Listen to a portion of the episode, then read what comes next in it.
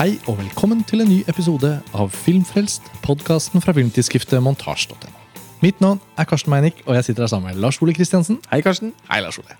Vi er fortsatt i Berlin på filmfestivalen. Og i denne episoden så har vi bestemt oss for å snakke om to filmer. Eh, De er ganske forskjellige, men eh, vi tenkte å kombinere de i denne episoden. så vi snakket om begge to. Første er Kelly Reichards First Cow. Og den andre vi skal snakke om, er Chris Second cow. Veldig morsomt. Det hadde jo vært flott med en oppfølger. Den andre filmen vi skal snakke om, er ikke nok noe helt annet. Det er Christian Petzolds nye film, Ondine.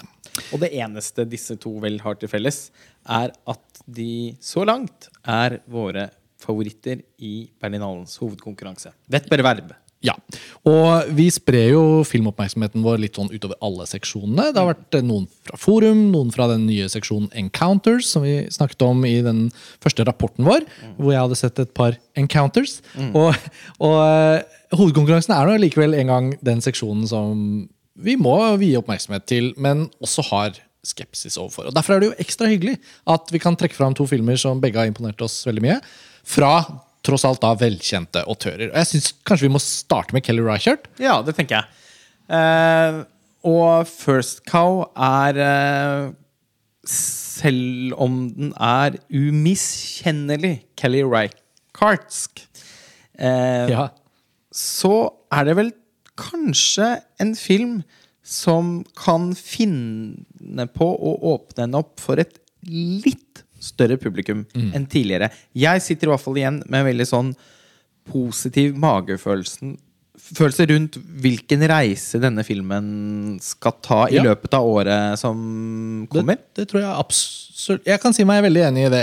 Jeg, jeg kjenner at Kelly Reichert har For så vidt fra den første filmen hennes Den første jeg så, var Wendy and Lucy for over ti år siden. Og, og hun har laget én film jeg syns er dårlig, og det er Night Moves. Ja, den var ikke noe god. Og den var ikke så Kelly Reichardt-aktig. Så det har bare blitt med den ene, heldigvis. Jeg liker alle de andre veldig godt. Eh, det er en jeg ikke har sett, Old Joy. Uh, nei, altså, også hun hadde en film før det. også. Men i hvert fall fra Wendy and Lucy så føler jeg altså at hun har hun har i all hovedsak klart å konsentrere seg om det hun ser ut til å være opptatt av. Både estetisk og egentlig i ganske stor grad tematisk. Og filmen man litt tror at denne First Cow ligner mest på, det er jo da Meeks Cutoff. Og koblingen er naturligvis at begge er periodefilmer fra liksom pionertiden, liksom 1800-tallet eh, i Amerika. Det handler om nybyggere i Amerika. Nettopp. Og, og, og, og både mm, risikoen og risikovilligheten i kombinasjon som må til for å bygge et nytt liv i dette nye landet. Og Mix Cutoff eh, er en film jeg alltid har egentlig liksom tenkt at da jeg så den, den likte jeg veldig godt. Den var veldig bra. Og så har mange, deg inkludert, Lars Ole, kommet med innsigelser om at jo, den er, den er på en måte en god film, men er den ikke også jævla sur? Og så må jeg jo si at jeg er litt enig. ja, nei, altså Jeg skal ikke snakke mix cutoff uh, for mye ned, men for meg men er personlig var det en litt uh, tung inngang til Kelly Reichardt.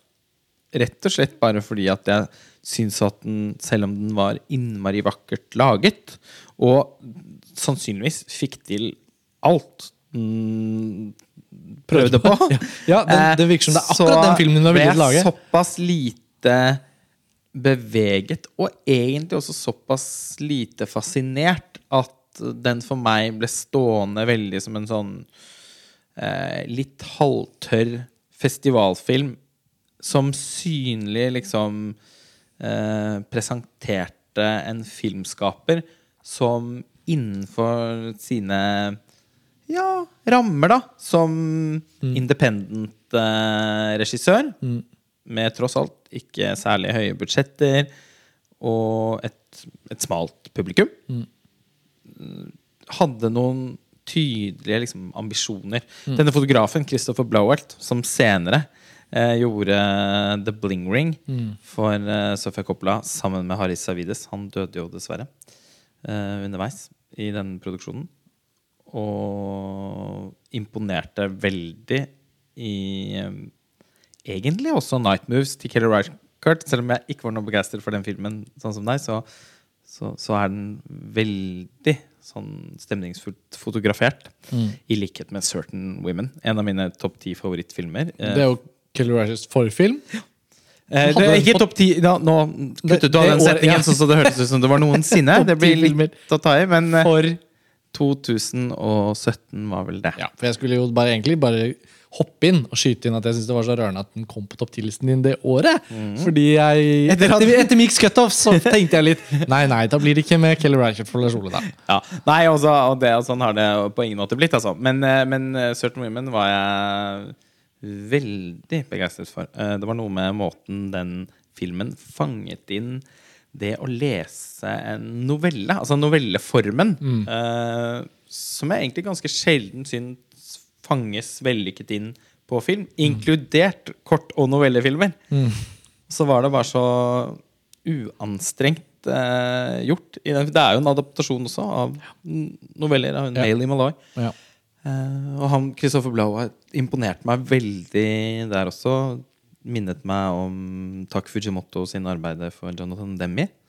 Og så eh, gjorde han seg også bemerket med mid-90s, som vi så under Berlinalen i fjor. Ja, absolutt. Så, og han er jo da også fotograf på First Cow, så det later til at de to kommer til å fortsette å jobbe sammen. Og det skal vi alle være glad for. Ja. For i First Cow er nok også da tross alt det mest imponerende han har gjort eh, så langt. Det er en film så altså, visuelt oppslukende Mm. at det i seg selv hadde vært nok for meg. Ja, og- Eh, Det er ikke nesten liksom en parodi hvordan vi alltid eh, Hvis det mangler, så ettersøker man alltid hvorfor ikke en eller annen indiefilm kunne ikke vært litt mer stofflig, eller kunne ikke det visuelle i hvert fall i det minste gitt oss noen bilder?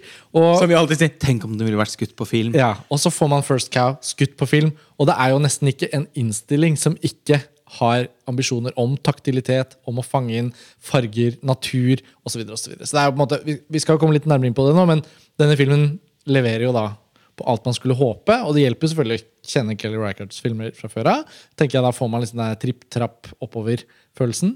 Eh, og du proklamerte jo til og med at First Cow litt er da din Reichard-favoritt. Ja, det må jeg si.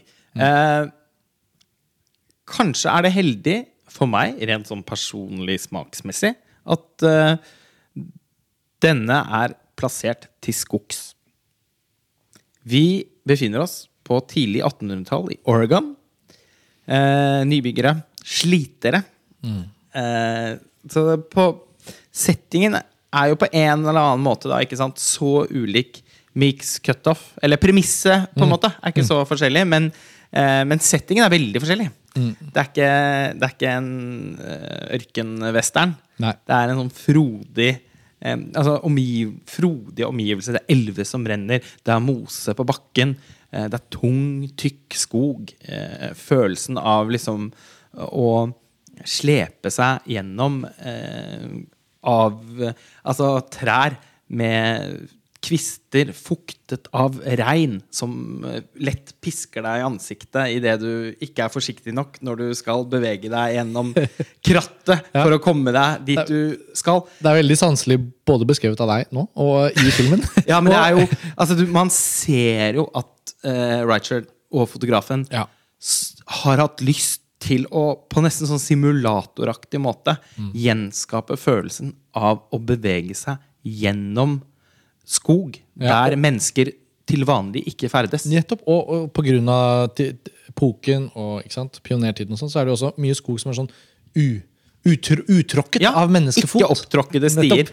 og Og jeg må si, uh, ja, ikke gjengrodde, fordi det insinuerer jo at noen har vært der før. Uh, til en viss grad kan man si at selvfølgelig, det var jo noen der før, men det føles veldig veldig sånn eh, jomfruelig, og, og den skogen er sånn skog man drømmer om at skog skal være. Ja. når man går tur i skog. En annen morsom synes jeg, parallell mellom Mix Cutoff og denne filmen er at i Mix Cutoff er det jo et dramatisk poeng at de ikke har mat. Eh, I First Cow er det veldig mye mat. Og, og, og mye mat som, som får en reell funksjon i, i he, hele den sanselige opplevelsen. Så det er ikke bare skog, det er også hva skogens frukter har å by på. det er jo en utpreget kulinarisk film, rett og slett. Man kan se liksom fine dining in spe her. Fordi etter De får til og med godt betalt på et tidspunkt der. Ja, men altså Dette er en utrolig skjønn film.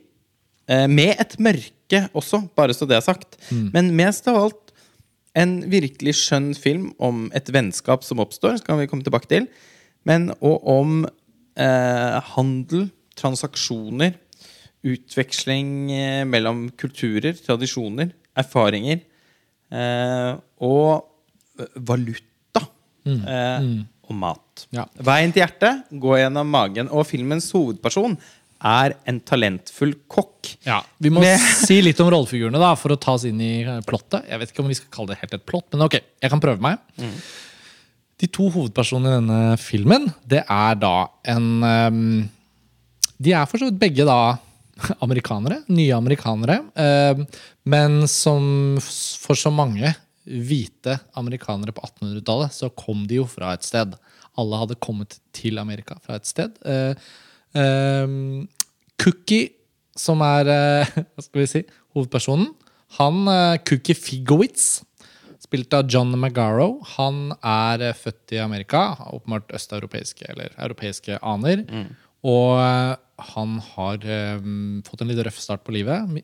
Han gjenforteller på et tidspunkt at begge foreldrene egentlig forsvant da han var liten. Og han har måttet liksom klare seg selv. Og gått i lære og vært veldig sånn mye i bevegelse. Blant annet gått i lære hos en baker. Nettopp, og Det kom jo veldig til bruk underveis i filmen. Og han har havnet da i Oregon litt sånn by happenstance, på en måte. Og filmen starter med at han er hyret inn som, som leirkokk i et følge av pelsjegere som er på vei til dette gjeve stedet i Oregon, hvor beverfangst er liksom the soft gold, som de sier på et tidspunkt. Og ved en tilfeldighet så møter han eh, en amerikansk kineser som er født i Kina, men som etter mange reiser rundt omkring i verden som en slags nomade har endt opp i Amerika, også på jakt etter å skape seg et liv eller en fremtid. Og han sier at 'they call me King Lu', og det er da navnet hans. på en måte.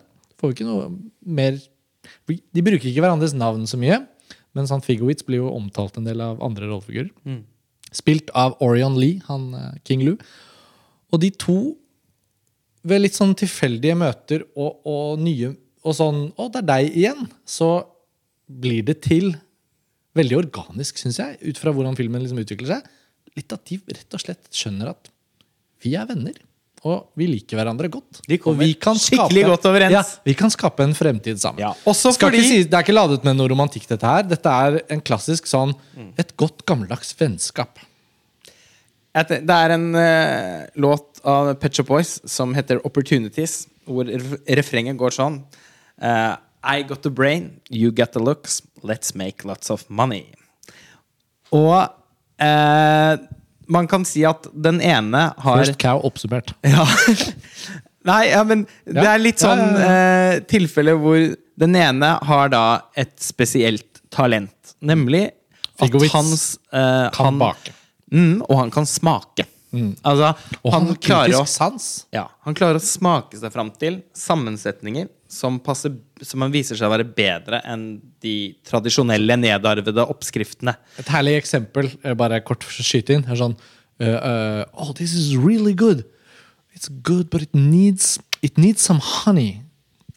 Altså, Og så, Og så- ser vi senere, uten at det blir understreket, Ja. at det da på et tidspunkt også blir strødd kanel, raspet kanel Raspet over. kanel det er over, en- et bakverk. Enda, det, det vil gi en, en, en sånn ytterligere smaksdimensjon. Ja. Så er det jo ikke noe tvil om at King Lu? King Lu han er en forretningsmann. Mm. Han er en formidler og en retoriker. Mm. Og sammen så kan de skape en, eh, en business. Ja. Og de drar til torget i nærmeste Vi kan ikke kalle det en by, men forsamlingssted. ja, for ikke helt et tettsted heller. Nei, eh, de kaller det jo bare The Fort. Ja. Eh, hvor eh, etter hvert da, så går det gjetord om den baksten de selger. Det går som varmt hvetebrød, si. Og etter hvert så utvider de litt repertoar også. Og på hjemmebane så nyter de også andre retter enn de de selger. Ser, det er eksempel noen helt fantastiske sekvenser hvor eh, det plukkes kantareller på skogbunnen som altså ser så lysende oransje og vakre ut at det ligner undersjøiske koraller. Jeg er veldig opptatt av kantareller. eh, plukker masse kantarell hver eneste sommer. Både fordi at jeg syns det er en av de beste smakene i hele verden, men også fordi at bare lukten og synet av dem i skogen eh, gjør at jeg blir helt sånn beruset. Så å se det fremstilt så sanselig, så vakkert i den filmen, eh, gjorde at jeg bare satt og gliste i kinosalen. Og så Det må jo være topp tre kantarell på film. ja, det er topp én kantarell på film. Det kan, eh, de var ikke, så ikke like gode ut i soppene i Phantom Thread, for eksempel. Nei, morsomt. Eh, det, det, jeg må skyte inn at lyddesignet i First Cow, i det Figowitz plukker kantarell fra skogbunnen, er også veldig bra laget. en, altså, Det ja, kneppet. du, ja, du. Å, å, det er sånn det høres ut! Ja. Er, dere skjønner jo at dette er en film vi liker veldig godt. så blir ja, men, men filmen også går da fra å være først på en måte en sånn atmosfære, miljøskildringsperiode-film, til å handle om, om et vennskap og de temaene som jeg, mm, som jeg la fram i stad. Og så blir det litt dramatikk og konflikt og suspens. Rett og slett. Akkurat om det vet jeg ikke hvor mye vi skal liksom si. Men jeg tenker at, eh, Tenker at dersom er nå tror at det bare er sopp og skog, Ja. eh, så er det bare veien inn. Nettopp. Eh, Men filmen har veldig mye å by på, også i form av det du sa nettopp. Altså spenning. Det, det utvikler seg en dramatikk innad i dette lille pelsjegersamfunnet som eh, blir spennende å se på. Ja. Fordi for å lage eh, baksten som de lykkes så godt med å selge på torget, så er de nødt til å stjele melk fra en ku på en gård i nærheten av der de, har, eh, sitt, eh, der de holder hus. The First Cow. Jeps. Og jeg tenker at alt som skjer etter dette her, eh, er det unødvendig å gå inn i. Mm. vi kan understreke at anbefalingen er glovarm, Ja. og at Kelly Rackert lykkes utrolig godt med å lage dette også som en slags sånn mytefortelling. Alle filmene hennes er jo på en måte amerik veldig sånn amerikanske fortellinger. Denne, det skjønner man jo allerede, altså at den, denne også er det. Men eh, jeg kanskje syns hun lykkes bedre enn Her føler jeg Det er nesten Det høres jo Men jeg, jeg satt og tenkte på sånn McCabe og Mrs. Miller av, av Robert Altman. Mm, ja. Og, og sånne filmer hvor du liksom føler sånn amerikansk historie Mm. eh, risset inn i bildene. Og en sånn eh, myteaktig Altså at, at filmen klarer, på tross av at den ikke har noen sånne enkle mytologiserende grep, å, skape en sånn følelse av at dette er bare én av veldig mange lignende fortellinger som forteller noe om hvordan USA ble til. Ja. Og USA sånn som vi kjenner det i dag. Og det er, det er ting i filmen som ville vært veldig konkrete eksempler, men jeg syns ikke vi skal nevne dem. Nei. Eh, men det går på hvordan filmen er liksom pakket inn og fortalt. Ja. Både Det er en rammefortelling her da som på en måte er et litt sånn mytologiserende Nettopp, element, men som bare akkurat ikke er dratt for langt, Ja. og som heldigvis ikke misbrukes til slutt. Nettopp. Og det er veldig Det er rett og slett bare utrolig bra. Og det er så gøy å se at uh, Rijkaard er liksom Er i en stadig utvikling. Selv om hun nå har laget nok filmer at hun har litt sånn funnet ut av hvordan hun skal gjøre det.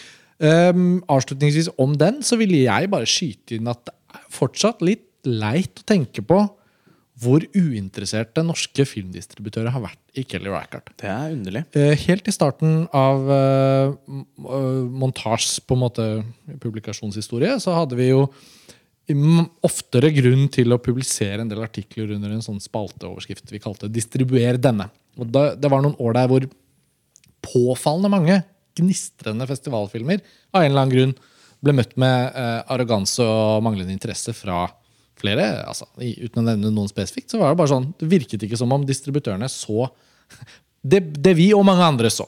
Wendy and Lucy for eksempel, gikk jo aldri på kino i Norge ordentlig. Men den ble Den skrev jo du om i den spalten. Nettopp. Og, men den ble da satt opp av cinematekene, og forhåpentligvis inspirerte mange godhjertede filmformidlere hverandre. da Til at det liksom, nei, men nå må vi jo få til noe her. Og, cinematekene sørget jo også for at Certain Women ble Ja, eh, vist og- Den ble vel også vist på Kunstnernes Hus men- eh, kino. Men Ja, tross alt ikke Mix- tradisjonell eh, kinodistribusjon på den Nettopp. heller. Ikke Mix Cut Mix, heller. Mix cut uh, og Night kanskje ikke så rart at eh, Nei, men sånn, til og med den, altså med Jesse Eisenberg og, sånn, Man skulle tenke at den var den som kanskje fikk det. Så det er liksom Tiden må jo da for Ja, men nå skjer det. For nå, søren være jo, inne. Men nå skjer det. Ja, altså, og, så- og, og nå skjønner du hva jeg mente i stad, selv om jeg skjønner at du også tenker at det drar det litt langt. Men jeg syns det er ganske tydelig, tross alt, at Ja. dette er en litt eh, bredere film enn Ikke fordi På den aller hun best tenkelige måten. Ja, det, er jo ikke noe hun- det er jo ikke noe mindre Rijkaard her. Nei. Fins ikke. Men den er bare litt Altså, det filmen handler om, kanskje, tror jeg appellerer og vil positivt liksom overraske flere som går og ser den. Fordi Og, og så er den ikke så little. Altså, sånn Wendy and Lucy er en kort, liten film. Jeg syns den er helt fantastisk. Det er min favoritt. Men um, denne her er jo litt, litt lang på en bra måte. Det er, Ja. sånn det er mye den har på det er hjertet. litt sånn ordentlig et, et Ja. verk, da. Ja, Eh, og så kan man jo si at uh, Certain Women, for eksempel, bare ved å være tre novellefortellinger hva er, sånn, det, det er jo liksom en triptyk. Eh, bare det i seg selv gjør den jo eh, rela- Altså det, Sørger for at bare en viss type spesielt interessert publikum vil oppsøke den. Mens her håper jeg jo virkelig at en av distributørene som er, som er gode på å formidle kunstnerisk ambisiøs film, eh, kommuniserer hvor lett denne filmen er å like for eh, mange. Det håper jeg. Nå må vi over til eh, Christian Petzold før vi faktisk er nødt til å løpe videre. Det kan hende vi må snakke litt kortere om Undine enn First Call, men det er ikke fordi filmen er mindre interessant. Christian Petzold, som er en av de prominente regissørene fra den såkalte Berlineskolen. Andre er Maren Ade, eh, Thomas Aslan Angela Sjanelek. Valiska Grisebakk, som var med Western for noen år siden. Ehm, vi har en artikkel om Berlinerskolen på montasje. Det har blitt egentlig nevnt og snakket om litt sånn jevnt og trutt, føler jeg. Ja, og vi har jo vært Altså, innom Petzold i Tidligere. flere anledninger tidligere. Norske kinopublikum, kinopublikummere husker han Hvis de liksom ikke skal si at det er de mest dedikerte, da, så kan nok mange likevel sett Barbara ja. og uh, Phoenix. ja. I hvert fall de to. Uh, Lars Ole, verken du eller jeg var særlig begeistret for Christian Petzolds forrige film, Transit. Nei. Eh, etter hvert som det er mange som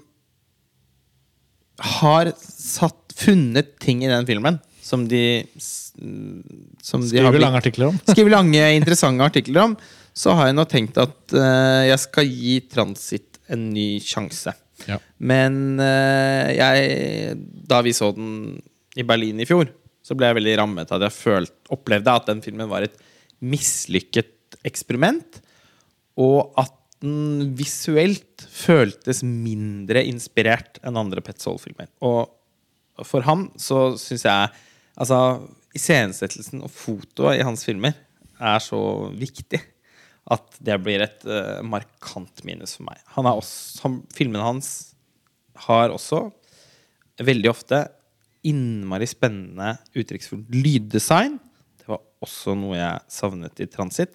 Det var kanskje bare noe med hele den filmens vesen som gjorde at jeg ble rammet av en bekymring for at om, al- al- Altså om at jeg, Åh, Kommer Ja. liksom nå Petzold aldri til å lage filmer som Gespenster og Gjella igjen. Eh, og jeg, det er ikke noe tvil om at selv om jeg Altså Barbara, for eksempel, syns jeg er en helt storartet uh, film.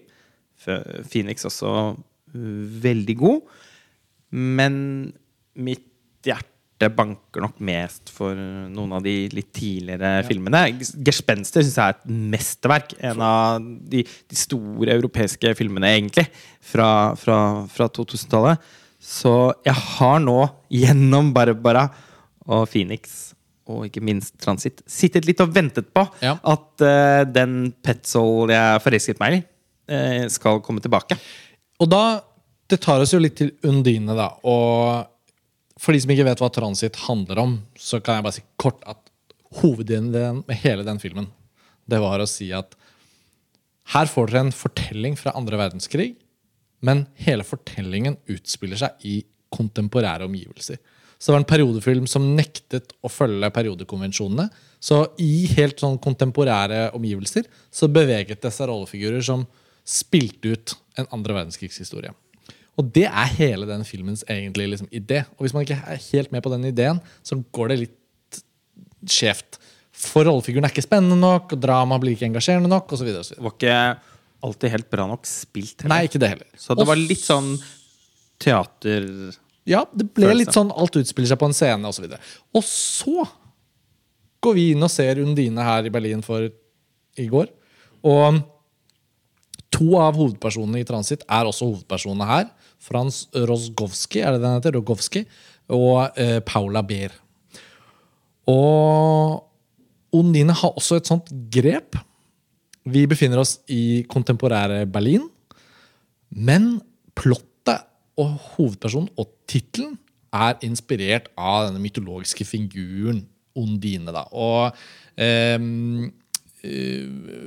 beleste, beleste lyttere vil jo koble det umiddelbart, men for de som ikke er klar over det, så er da Ondine er jo da en sånn mytologisk figur, en sånn vannskikkelse fra helt tilbake til liksom romersk diktning. Så har man denne figuren, og den har beveget seg litt sånn inn og ut og blitt appropriert inn i forskjellige forfattere. Også sånn romantikken på 1800-tallet så har man flere forfattere som har fått inn denne figuren. og vi har vi har også helt frem til liksom bare for jeg vet ikke, fem, seks, syv år siden så ble det laget en film som heter On Dean med Colin Farrell. Ja, Neil Eh, Jordan. Neil Jordan, ja, Som også har den. Og, og dette, denne drømmeskapningen som kommer ut av vannet, blir selvfølgelig da lett sammenlignet med da, en havfrue. ikke sant? Og Som vi sist så da i The Lighthouse av Robert Eggers på kino. Så dette er jo en sånn mytologisk figur som vi har sett opp igjennom på den ene eller den andre måten. Om det er den lille kanskje- havfruen til Disney eller på den ene, ikke sant? Ja, eller The Lady in the Water til M. Night Shyamalan. Ja, for så skal vi konkretisere det nok- dette litt.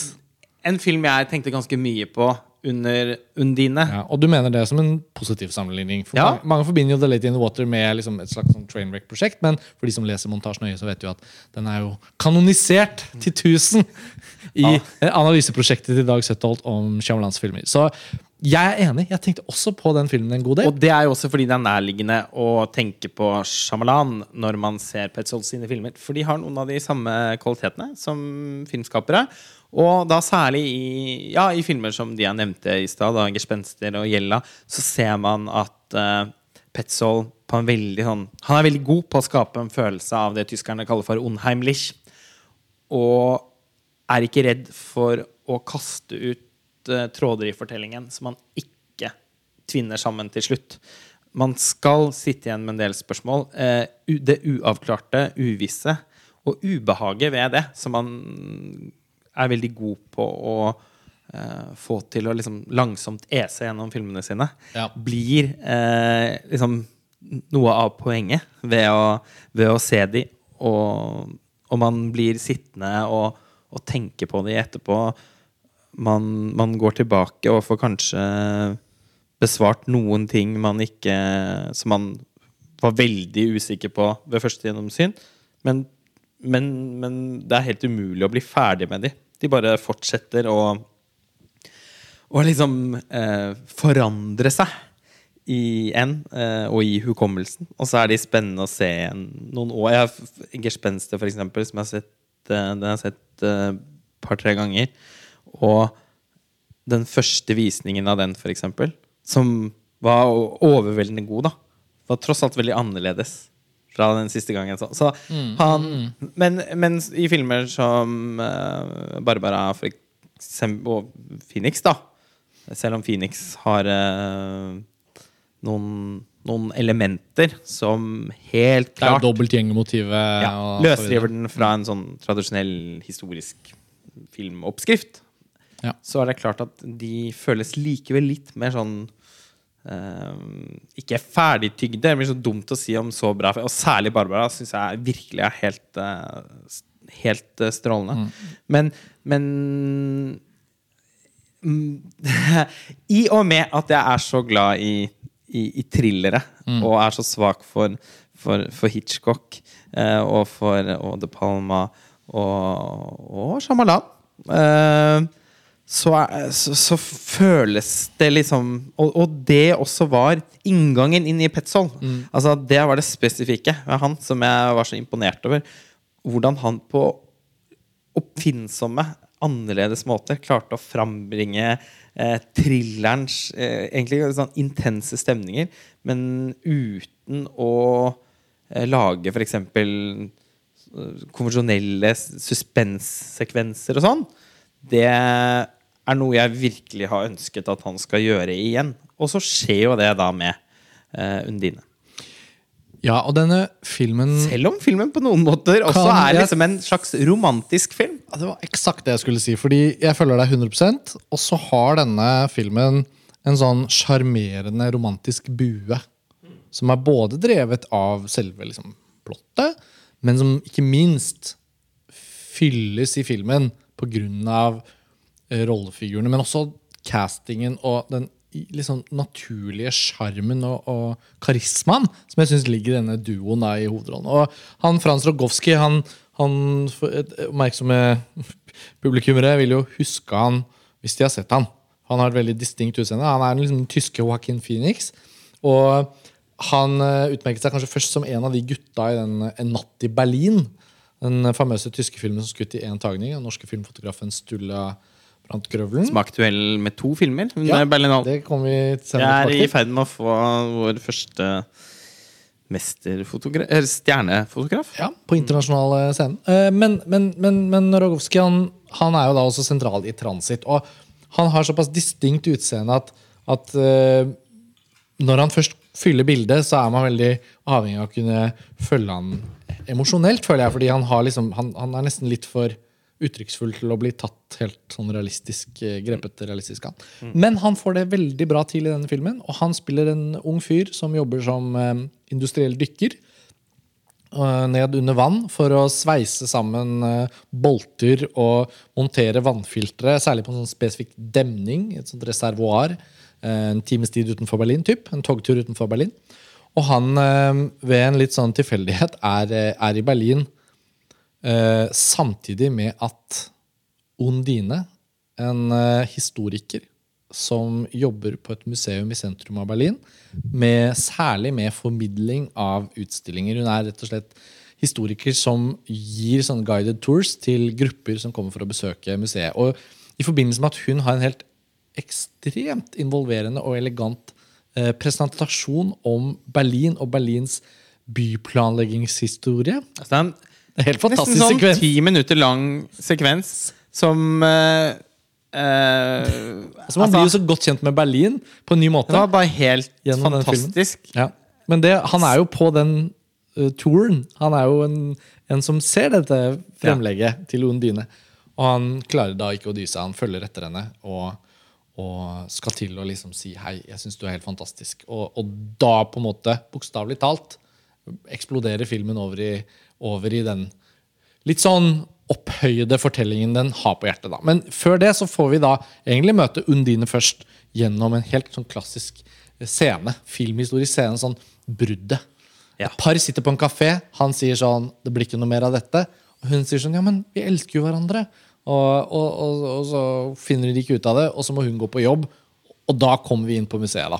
Så det er bare, jeg synes det er en veldig fin sånn setup to- av den romantiske Litt sørgmodige, men litt sånn søte, romantiske historien her, da. Ja, og altså Måten hun forteller om Berlins eh, byplanleggings- og arkitekturhistorie på, er jo innmari interessant.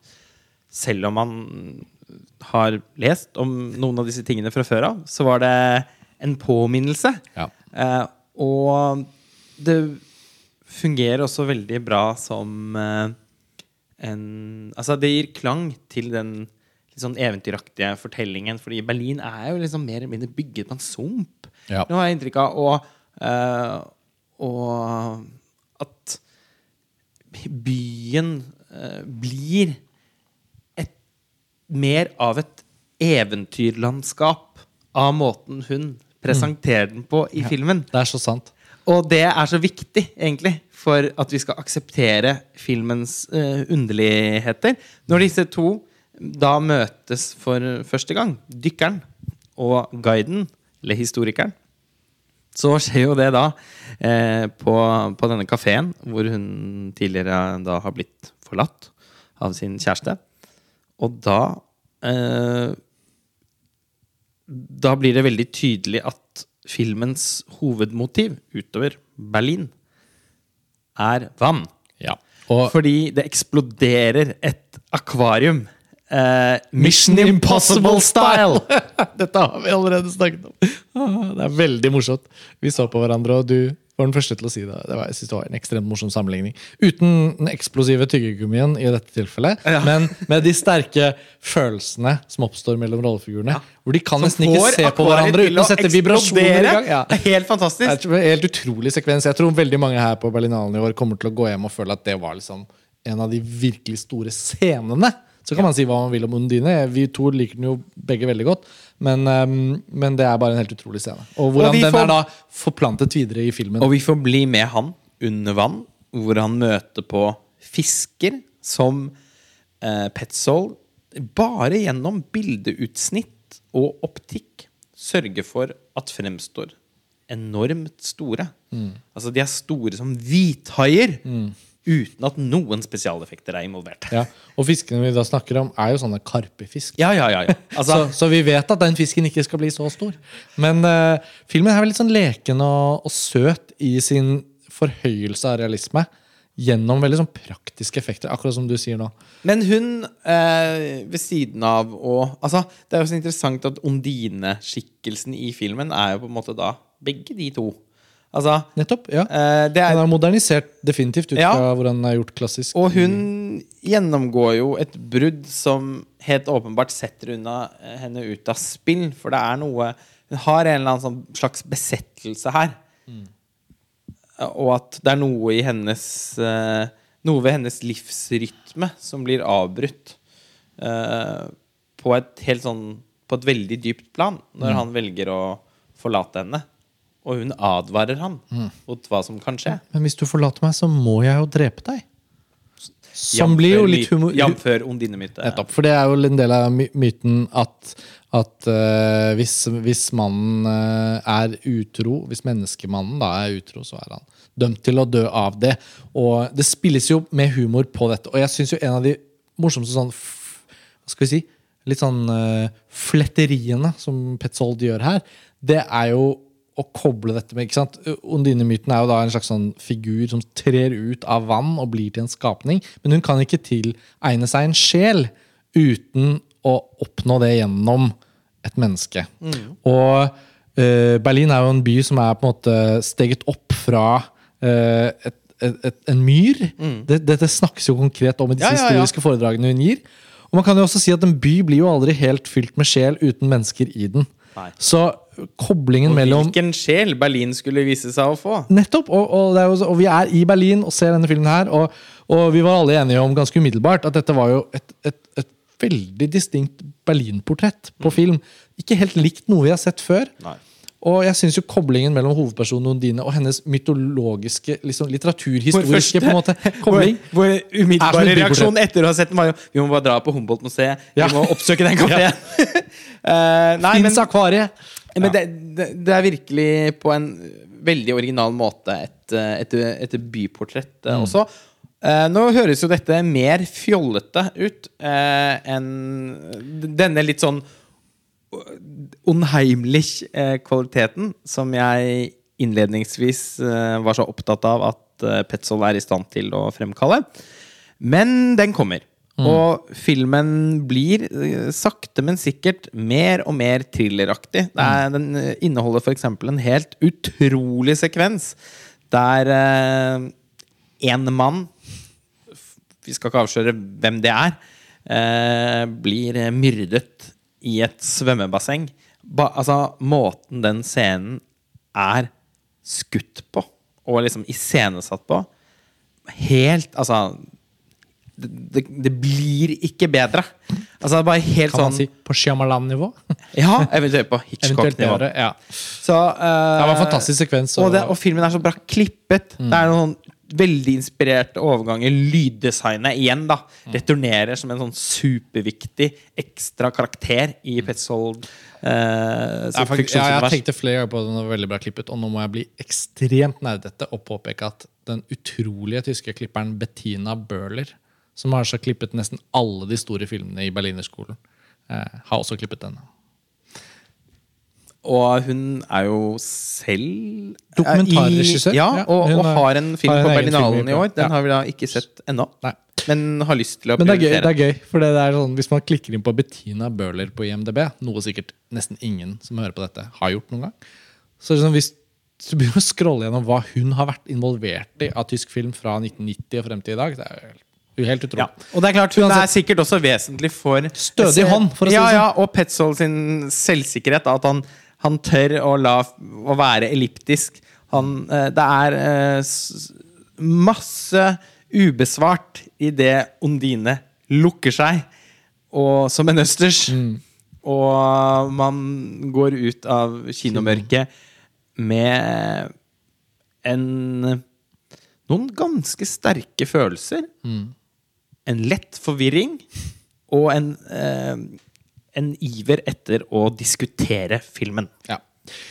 Jeg syns det har vært, eh, det har vært eh, godt å få snakket om First Cow og Undine. Jeg tenker vi er i mål med denne episoden nå. Jeg, Det kommer flere er episoder ikke- fra Berlin. Det gjør det, og, men det skal sies da distribusjonsmessig sett, så må det jo sies at vi foreløpig på det nåværende tidspunkt ikke har fått bekreftet om noen av disse filmene er plukket opp for norsk distribusjon, men vi opplever og håper at disse to begge er kandidater. Og de tre siste, På radaren. tre siste filmene Petzold har jo vært på norske kinoer. det, de har Og Bortsett fra Transit.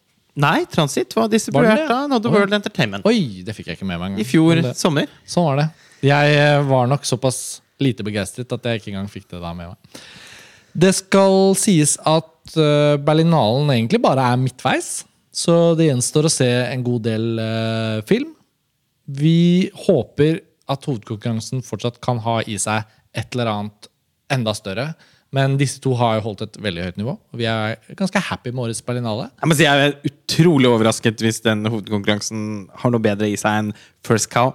Av hva jeg kan lese ut av liksom Ja, nei, men det er, katalogen. par, og- det er et par helt ubeskrevne blad. Og man Selvfølgelig. Og, nei, naturligvis. Nei, Noe går- av det mest spennende på festival er jo nettopp å eh, gjøre noen genuine oppdagelser.